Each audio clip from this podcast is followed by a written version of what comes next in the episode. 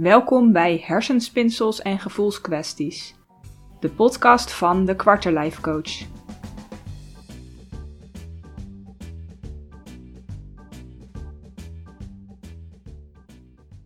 Mijn naam is Daphna Bontebal en vandaag wil ik het met je hebben over zelfvertrouwen en zelfverzekerdheid. Wat is eigenlijk het verschil tussen die twee? Nou, zelfvertrouwen is je basis. Dat is je veiligheid en je vertrouwen op jezelf en je kunnen. Zelfverzekerdheid is hoe je dit uit naar de buitenwereld. Het weten wat je wil, doelgerichtheid, krachtigheid, voor jezelf opkomen. Maar pas op dat je hierin niet doorslaat, want dan kan het zijn dat je anderen gaat buitensluiten. Dat het gaat fungeren als een soort muur om je heen. Zelfverzekerdheid zonder zelfvertrouwen is eigenlijk een slecht toneelstuk. En dat gaat je zeker niet gelukkig maken. Je hebt dus altijd eerst je zelfvertrouwen nodig. Je zelfvertrouwen is je basis. En vanuit daaruit kan je gaan leren om dit te gaan uiten naar de buitenwereld.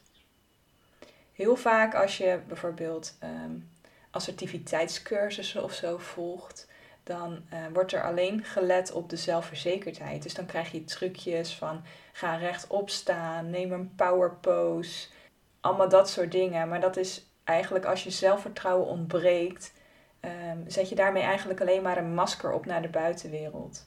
En wat je dan krijgt is dat de mensen in je omgeving denken uh, dat je juist heel zelfverzekerd bent en uh, nou ja, dat jij eigenlijk geen hulp nodig hebt. Terwijl eigenlijk diep van binnen je heel onzeker bent en je juist eigenlijk bevestiging en hulp en steun nodig hebt. Alleen dat krijg je niet omdat mensen niet doorhebben dat je het nodig hebt. Ja, je voelt je onzeker. Je doet dingen niet omdat je denkt dat je het waarschijnlijk toch niet kan. Eh, je durft je mening niet te laten horen omdat je denkt dat ze dat vast raar zullen vinden of dat ze je misschien wel zullen uitlachen. Als je bijvoorbeeld ergens aan begint, dan nou ja, ben je bij voorbaat al bang dat het misgaat of dat je het op zal geven of dat het niet lukt. Je bent over het algemeen erg negatief en kritisch over jezelf. Je houdt jezelf liever in de schaduw of op de achtergrond. Want als je niks zegt of meegaat met de meerderheid, dan kan je ook niks verkeerds doen of zeggen. En als ze je niet opmerken, dan kunnen ze je ook niet uitlachen. Dus het is eigenlijk heel erg veilig en hiermee uh, bescherm je jouw kwetsbare zelf. Maar de gevolgen daarvan zijn dat je je steeds vaker somber voelt.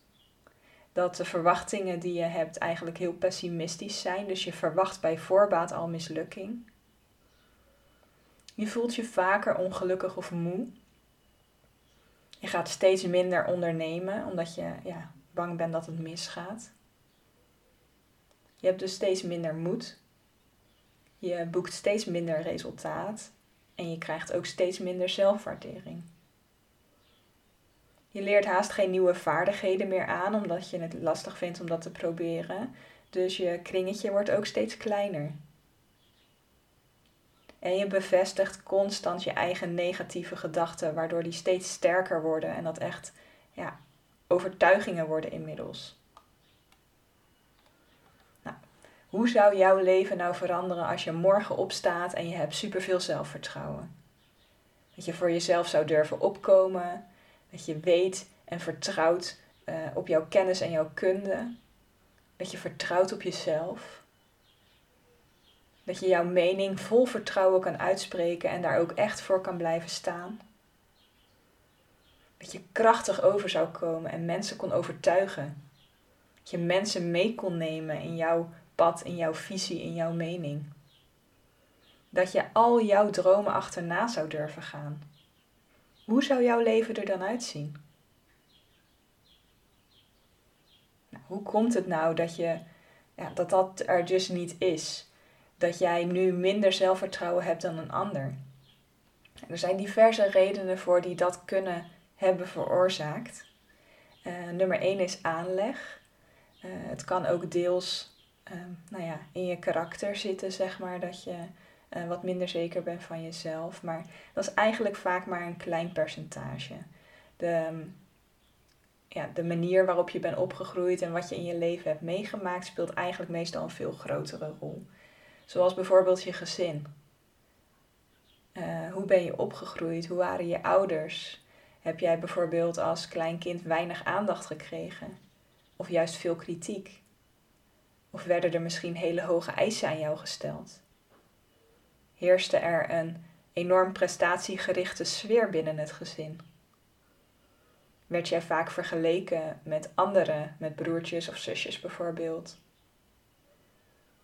Of heb jij misschien te maken gehad met verwaarlozing, mishandeling of misbruik? Of ben je juist te beschermd opgevoed, waardoor je eigenlijk niet de kans kreeg om zelf uh, dingen te gaan ontdekken en zelf uh, fouten te mogen maken?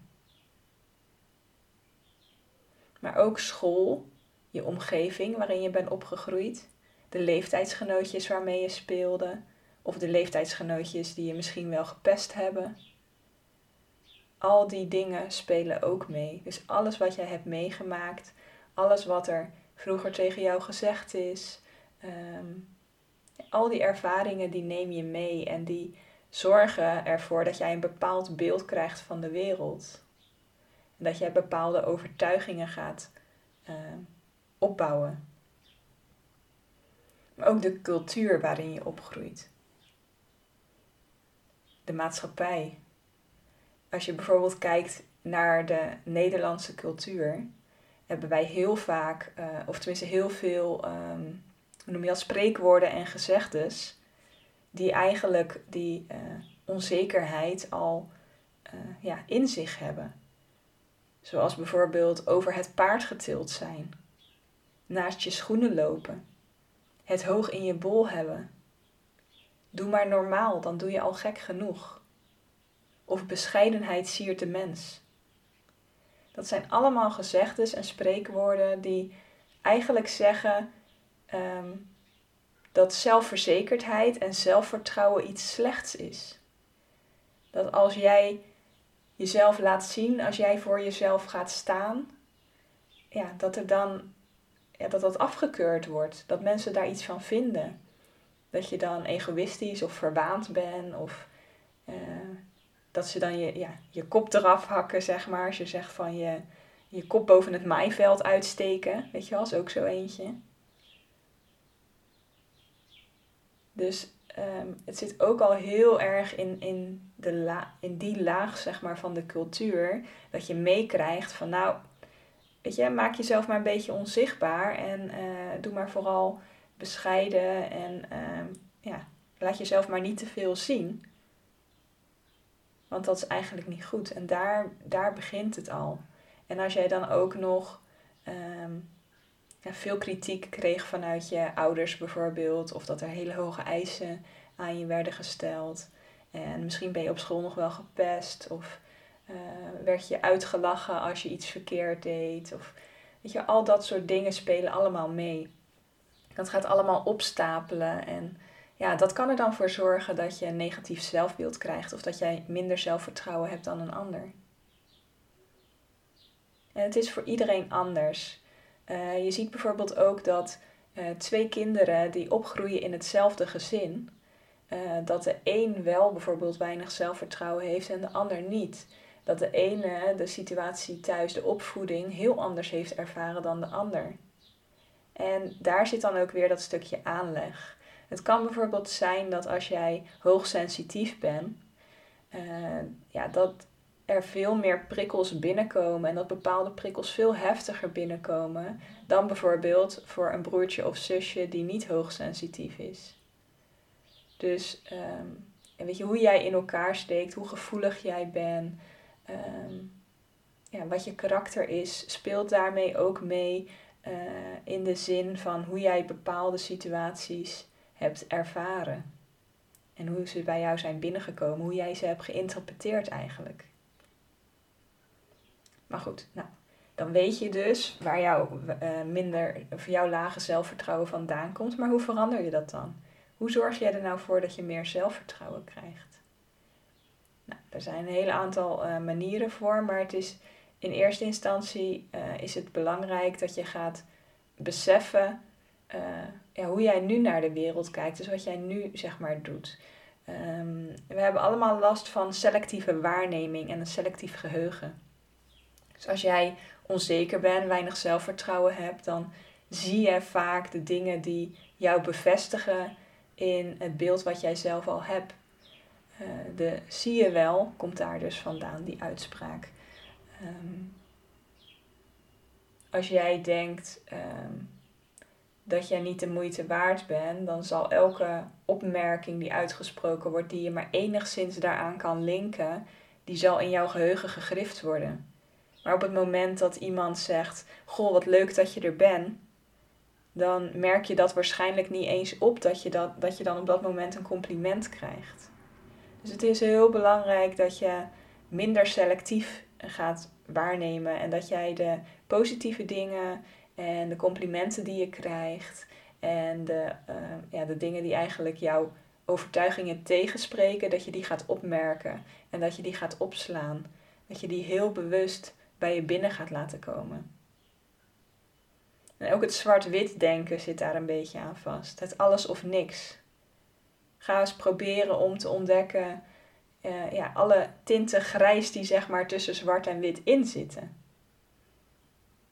Er zit echt nog een, een wereld aan ruimte tussen het ene uiterste en het andere uiterste. Dus probeer wat vaker in die grijstinten terecht te komen en te zien wat voor andere opties er nog meer zijn. Maar ook uh, passen we bijvoorbeeld vaak censuur op onszelf toe. Um, vullen wij bijvoorbeeld in wat een ander mogelijk over ons denkt.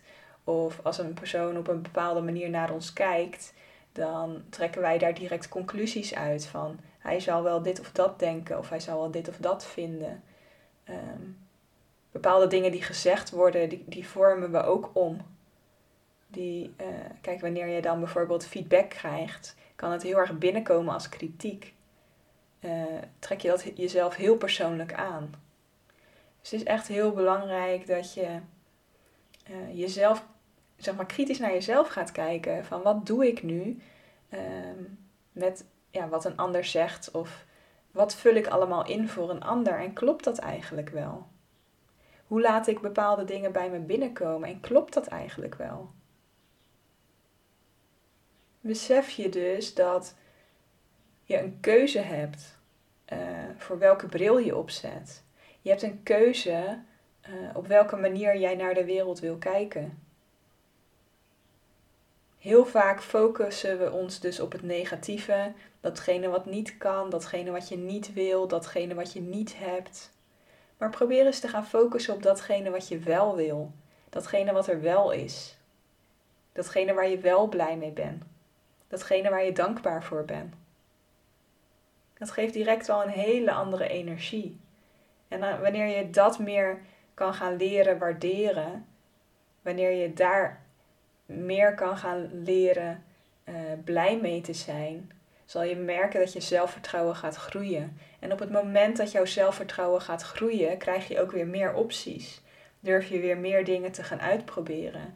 En breek je eigenlijk uit die cirkel waarin je jezelf nu zo hard vastzet.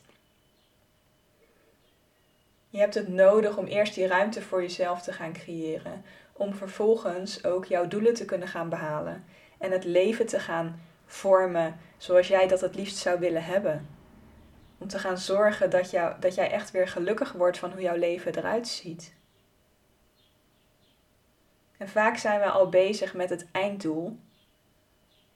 Gewoon willen we al ehm, zeg maar eh, vol zelfvertrouwen op de ander overkomen, maar vergeten we dat we eerst echt even een paar stapjes terug moeten doen en dat we eerst gewoon eens naar onszelf moeten gaan kijken.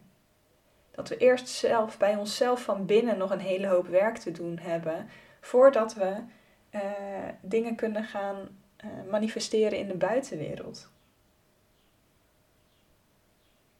Nou, wil je nou meer weten over hoe je dit nu precies aanpakt, hoe je dit nu doet, zou je daar graag wat meer begeleiding bij willen hebben? Check dan vooral ook even mijn website www.dekwarterlifecoach.nl Of word lid van mijn besloten Facebookgroep, de Quarterlife Community. Daar ehm, vind je ook een hele hoop gratis informatie en uh, meer content, inspiratie. Dus wees daar ook gewoon welkom, dat is helemaal gratis.